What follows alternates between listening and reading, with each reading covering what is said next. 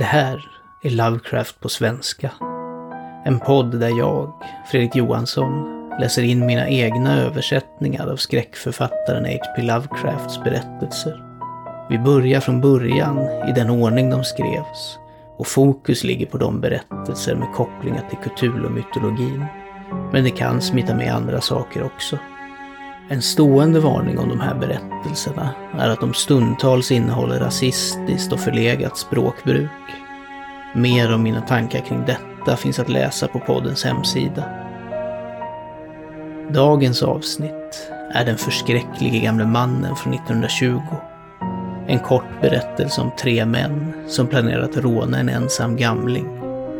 Här introduceras Kingsport, en fiktionell stad uppdiktad av Lovecraft, som är en återkommande plats i hans historier. Vi börjar också att glänta på dörren till den esoteriska magi eller kunskap som påträffas i Cthulhu-mytologins värld. Okunskap kan vara en välsignelse.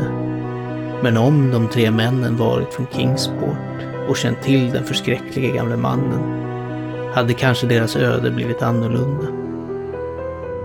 God lyssning.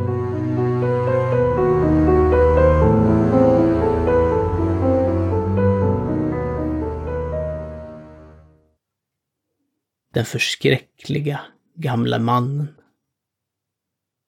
Det var Angelo Ricci och Joe Seinek och Manuel Silvas avsikt att avlägga ett besök hos den förskräcklige gamle mannen. Denna gamle man bor alldeles ensam i ett mycket gammalt hus på Water Street nära havet och ryktas vara både utomordentligt rik och synnerligen svag vilket utgör en situation som är mycket attraktiv för män av herrarna Ritchie, Seinek och Silvas yrke. För det yrket var ingen mindre värdigt än rånare. Invånarna i Kingsport säger och tänker många saker om den förskräckliga gamla mannen, som i allmänhet håller honom säker från uppmärksamhet från herrar som Mr Ritchie och hans kollegor trots det nästan säkra faktum att han gömmer en förmögenhet av obestämd storlek någonstans i sin unkna och ärevördiga boning. Han är i sanning en mycket märklig person som tros ha varit kapten på Ostindiska klippeskepp på sin tid. Så gammal att ingen kan minnas när han var ung och så tystlåten att få känner till hans riktiga namn bland de knotiga träden på gårdsplanen till hans åldrade och försummade hem upprätthåller han en märklig samling av stora stenar. Konstigt grupperade och målade så att de liknar avgudar i något obskyrt österländskt tempel.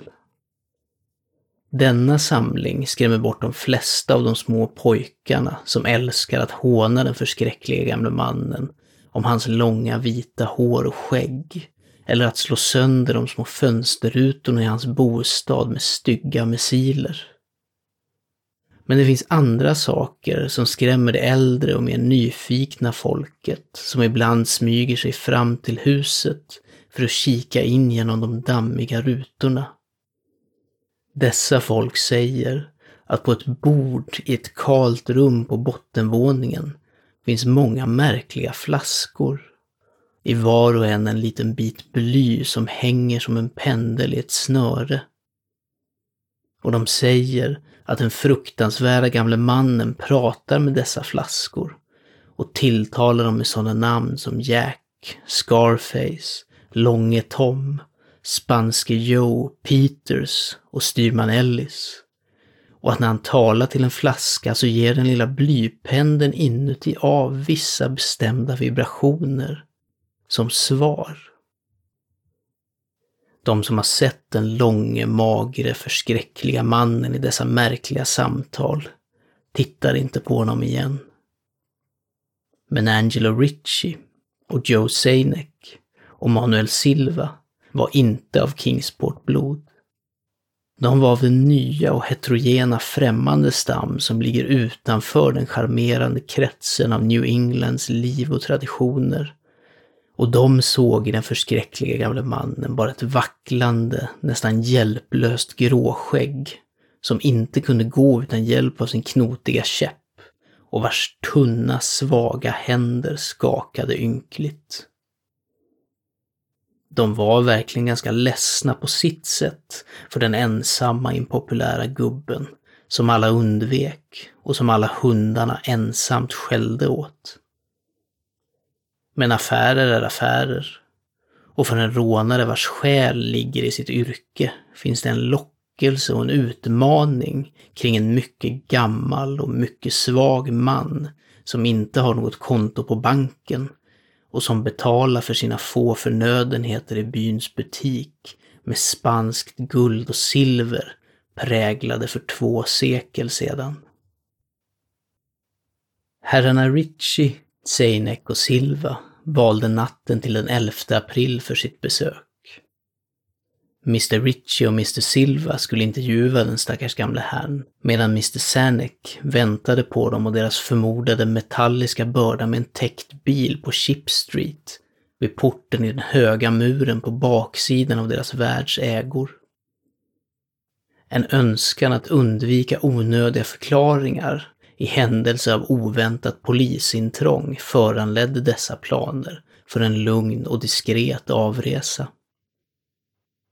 Som förutbestämt började de tre äventyrarna var för sig för att förhindra eventuella ondskefulla misstankar efteråt. Herrarna Ritchie och Silva möttes på Water Street vid den gamle mannens port och även om de inte gillade hur månen lyste ner på de målade stenarna genom de knotiga trädens spirande grenar, hade de viktigare saker att tänka på än bara tom vidskepelse. De fruktade att det kunde vara ett obehagligt arbete att få den fruktansvärda gamle mannen talför om sitt samlade guld och silver. För åldrade sjökaptener är särskilt envisa och tvära. Men ändå, han var väldigt gammal och väldigt svag och det var två besökare. Herrarna Ritchie och Silva var erfarna i konsten att få ovilliga personer att tala och skriken från en svag och exceptionellt vördnadsvärd man kan lätt dämpas. Så de tog sig fram till det upplysta fönstret och hörde den förskräckliga gamla mannen prata barnsligt till sina flaskor med pendlar. Sedan tog de på sig masker och knackade artigt på den väderfläckade ekdörren. Väntan verkade mycket lång för Mr Seinek när han rastlöst satt i den täckta bilen vid den förskräckliga mannens bakport på Chip Street. Han var mer än vanligt ömsint och han tyckte inte om de avskyvärda skrik han hade hört i det gamla huset strax efter den tid som bestämts för dådet. Hade han inte sagt till sina kollegor att vara så milda som möjligt mot den patetiska gamle sjökaptenen? Mycket nervöst tittade han på den smala ekporten i den höga och murgrönsklädda stenmuren. Han konsulterade ofta sin klocka och undrade över förseningen. Hade den gamle dött innan han avslöjat var hans skatt var gömd och hade en grundlig genomsökning blivit nödvändig? Herr Seinek gillade inte att vänta så länge i mörkret på en sådan plats. Sen märkte han mjuka steg eller knackanden på gången innanför porten hörde ett försiktigt fumlande vid den rostiga spärren och såg den smala, tunga dörren svänga inåt. Och i det bleka skenet från den enda svaga gatlyktan ansträngde han ögonen för att se vad hans kollegor hade tagit ut ur det olycksbådande huset som skymtade så nära i bakgrunden. Men när han tittade såg han inte vad han hade väntat sig. För hans kollegor var inte där alls. Utan bara den fruktansvärda gubben som tyst lutade sig mot sin knotiga käpp och log otäckt. Mr Seinek hade aldrig tidigare lagt märke till färgen på den mannens ögon. Nu såg han att de var gula. Små saker skapar stor uppståndelse i små städer, vilket är anledningen till att Kingsport-folket hela våren och sommaren talade om de tre oidentifierbara kropparna, fruktansvärt skurna som av många sablar och fruktansvärt sargade som trampade på av många grymma stövelklackar som tidvattnet sköljde in. Och somliga talade till och med om saker som var så triviala som den övergivna bil som hittats på Chip Street. Eller vissa särskilt omänskliga rop, förmodligen från ett herrelöst djur eller flyttfågel, som hördes på natten av vakna medborgare. Men av detta byskvaller intresserade sig den förskräckliga gamla mannen inte alls. Han var av naturen reserverad och när man är åldrad och svag är ens förbehåll dubbelt så stark. Dessutom, en så uråldrig sjökapten måste ha sett mängder av saker mycket mer upphetsande under de gångna dagarna av hans oigenkännliga ungdom.